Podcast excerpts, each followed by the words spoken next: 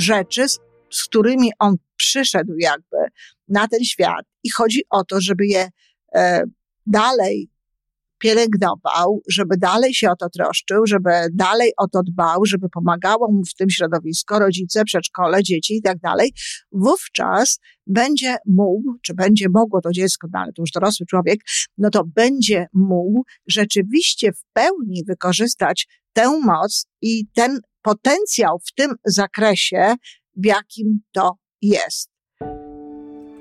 Żyjmy coraz lepiej po raz 896.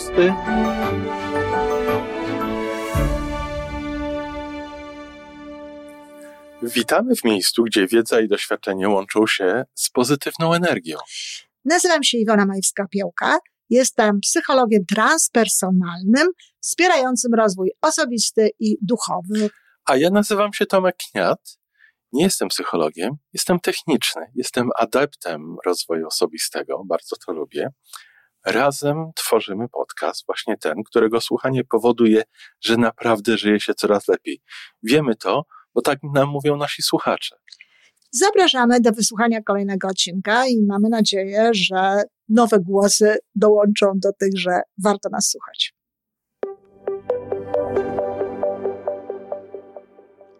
Dzień dobry, z tej strony Iwana Majewska-Piełka i dziś dla rodziców, ale oczywiście nie tylko. E, kochani, kilka dni temu miałam rozmowę z panią Adrianą Tomczak z firmy organizującej Flow Summit i rozmawiałyśmy na temat mocy człowieka, na temat tego, czy człowiek rzeczywiście ma taką moc. Y, pani Adriana mówiła o tym, że mają przygotowany jakiś kurs, w którym no, autor tego kursu opowiada o tym, jakie to niezwykłe moce, niezwykłe zdolności mają różni ludzie. I chodziło tu rzeczywiście o takie zdolności jakiegoś nadzwyczajnie długiego przebywania pod wodą, no, różne takie rzeczy, które w zasadzie uznalibyśmy za niezwykłe. No i zadała mi pytanie, czy to rzeczywiście tak jest, że ludzie mają e, taką moc, że ludzie mają w sobie taki potencjał.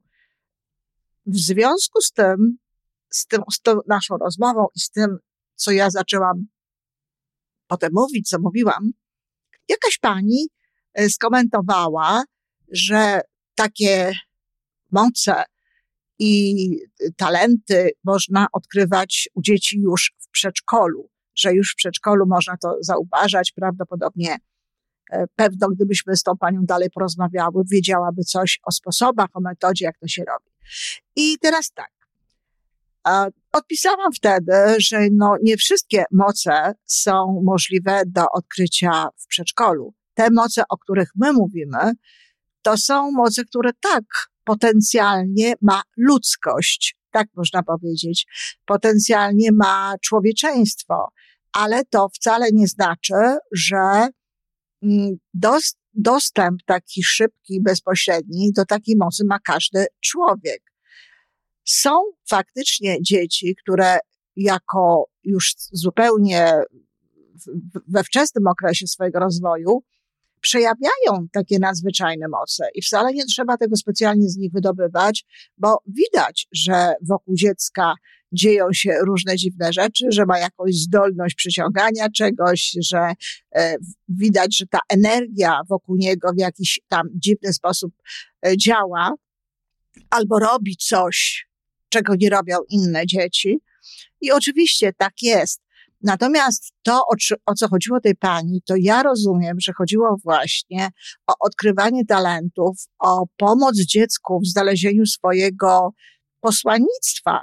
Nawet jeśli to nie są jakieś nadzwyczajne moce, ale jeśli to są rzeczy, z, którymi on przyszedł jakby na ten świat i chodzi o to, żeby je e, dalej pielęgnował, żeby dalej się o to troszczył, żeby dalej o to dbał, żeby pomagało mu w tym środowisko, rodzice, przedszkole, dzieci i tak dalej, wówczas będzie mógł, czy będzie mogło to dziecko, no ale to już dorosły człowiek, no to będzie mógł rzeczywiście w pełni wykorzystać tę moc i ten potencjał w tym zakresie, w jakim to jest.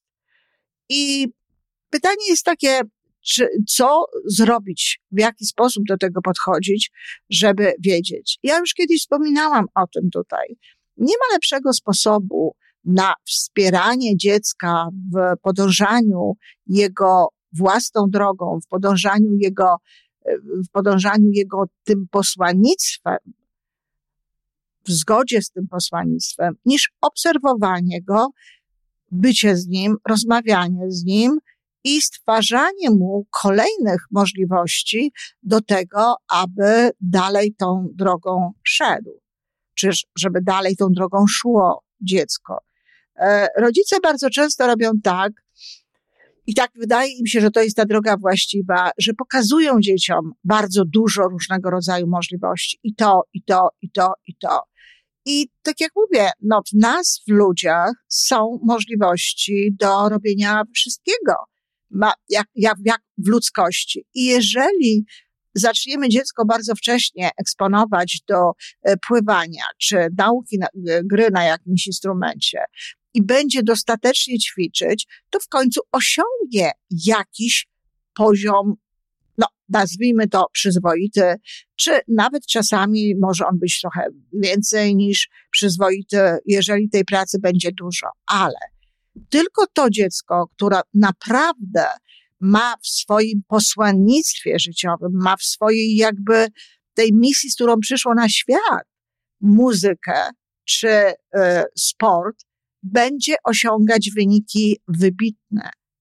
Dlatego trzeba bardzo uważać, bo tak jak mówię, w, różną, w różne strony można dzieckiem pokierować, bo tatuś by chciał, żeby dziecko pływało na przykład i zaczyna robić to wcześniej i tak, no tak jak mówię, osiąga wyniki i nawet może być czasami dobrze, ale wybitnie to nie będzie ktoś, kto faktycznie jakoś tak się zaprezentuje. I dlatego moim zdaniem to takie pokazywanie kolejnych i jeszcze kolejnych rzeczy dziecku jest słabsze niż podążanie za tym, co robi dziecko samo. Podążanie za tym, którą stronę dziecko idzie. E, owszem, można mu dawać różne, różne rzeczy, różny rodzaj y, zabawek, patrzeć na to, na czym ono się, na czym się skupia, w którą stronę idzie i tak dalej. No gdyby mnie na przykład ktoś y, uważnie obserwował w moim życiu, zawsze i szybko wiedziałby, że to, co jest moją mocą, może nie supermocą, ale jak żeśmy doszli potem w rozmowie z panią Adą, to dlaczego nie można to też uznać za pewnego rodzaju supermoc, to wiedziałby natychmiast, że ja chcę czytać, ja chcę pisać, ja chcę uczyć. Że to są te rzeczy, w którą stronę ja idę. I teraz ktoś może powiedzieć, no dobrze, ale y, to my tu mówimy o rzeczach nadzwyczajnych. Ja myślę, że jeśli się popatrzy na przykład na, na moje życie, na to, co robię, to owszem, są to rzeczy w stosunku do innych e, osób, które się tym nie zajmowały i które nie mają tej modalności jakby, nie są do tego stworzone, to nie była ich droga życiowa od samego początku, no są, mam jakieś osiągnięcia, bo to nie jest kwestia tylko tego, co ja robię, ale to jest również kwestia tego, na ile łatwo mi to przychodzi, na ile dobrze sobie z tym radzę. Wiele osób jest zdziwionych, że wszystko to, co robię w ogóle y, w sieci, w różnych innych miejscach, poza podcastami, które jak wiadomo robimy razem z Tomkiem, to robię sama. Przy czym Tomek wkłada podcasty po prostu na serwer, robi piękne okładki, e, zapowiada, jak słyszycie. Natomiast treść tego i treść wszystkich innych filmów, które są na YouTube, to jest jakby moja działka. Moje, rob, sama to robię. Nie mam żadnej pomocy. Czyż to nie jest supermoc? No jest supermoc. I to z tego powodu ona jest super właśnie, że jest to połączone z tym, co jest we mnie z tym, po co ja przyszłam tutaj na świat. I dokładnie tak samo jest z dziećmi. Czyli krótko mówiąc, można wychować pływaka, osoby, dziecko, które zostanie y, nawet, nawet zawodnikiem i nawet czasem uda mu się coś osiągnąć, ale będzie to okupione jakby bardzo dużą pracą. Podobnie z muzyką. Ktoś może chodzić na te zajęcia z muzyki, można go zmuszać do, te, do tych ćwiczeń, bo no, osoby, które nie mają w sobie tego powołania, to rzadko kiedy chcą tak same ćwiczyć chętnie. Trzeba im raczej w tym pomagać. No i w konsekwencji taka osoba może zostać no, nawet może zostać y, jedną ze, jednym ze skrzypków czy skrzypaczek w orkiestrze, oczywiście, no bo pokończyła wszystkie szkoły, nauczyła się i my ludzie możemy to zrobić, my ludzie potrafimy to zrobić. No ale nie będzie to skrzypek czy skrzypaczka na miarę, nie wiem, Bandy Wiłkomirskiej czy y, y, Josefa Bella. To, to, to wszystko zależy wtedy właśnie od tego, czy trafiliśmy w ten, w tę modalność, w to, co jest w duszy dziecka, w to, co jest tam w środku. I nie wiem, czy to można powiedzieć w przedszkolu, czy to można znaleźć w przedszkolu. Moim zdaniem tego rodzaju rzeczy to najlepiej widzą kochający rodzice. A z któregoś już z podcastów na pewno wiecie, kochani rodzice, dziadkowie też, że takim pierwszym obowiązkiem miłości jest słuchanie, słyszenie, można byłoby dodać jeszcze do tego widzenie, z kim mamy do czynienia, e, widzenie, kto to jest, bo to pozwala nam wtedy ułatwiać dziecku robienie tego, co on chce. I tutaj pojawia się jeszcze jedna sprawa, mianowicie, cóż z tego, że rodzic nawet wie i pozwala dziecku, widzi, odkrył, odkrył to, że dziecko ma właśnie talent w tym kierunku, że dziecko właśnie w tę stronę może iść, że na przykład no, jest wyjątkowo uzdolnione plastycznie, czy jak się okazuje, bo to, to nie od razu widać, ale się okazuje, że jest wyjątkowo uzdolnione plastycznie, że to jest jego droga, czy że e, muzycznie, czy jakikolwiek inny sposób. I potem mamy Kolejną, kolejną rzecz, kolejny próg. Po pierwsze, nie każdy rodzic chce zaakceptować życie dziecka jako malarza, artysty i tak dalej, wszelkiego rodzaju, z czego tu będziesz żyła, więc myśli się raczej w kategoriach e, bardziej takich konkretnych i mimo, że widzi się, że pasją dziecka jest malowanie, muzyka czy jakieś inne tam formy sztuki, no to jednak kierujemy to dziecko, nie wiem, w liceum na przykład do klasy matematyczno-fizycznej, bo będzie robić to czy tamto, czy do klasy biologiczno-chemicznej, bo przecież będzie lekarzem. W każdym razie jakby, no, nadajemy mu. Czasem dzieci same to robią, dlatego że żyją w kulturze, w której no wiadomo, że te zawody są, że jakieś zawody są lepsze, lepiej płatne, a kultura, te wszystkie memy, które są dookoła, są takimi właśnie memami dość materialistycznymi i dzieci same dokonują takich wyborów.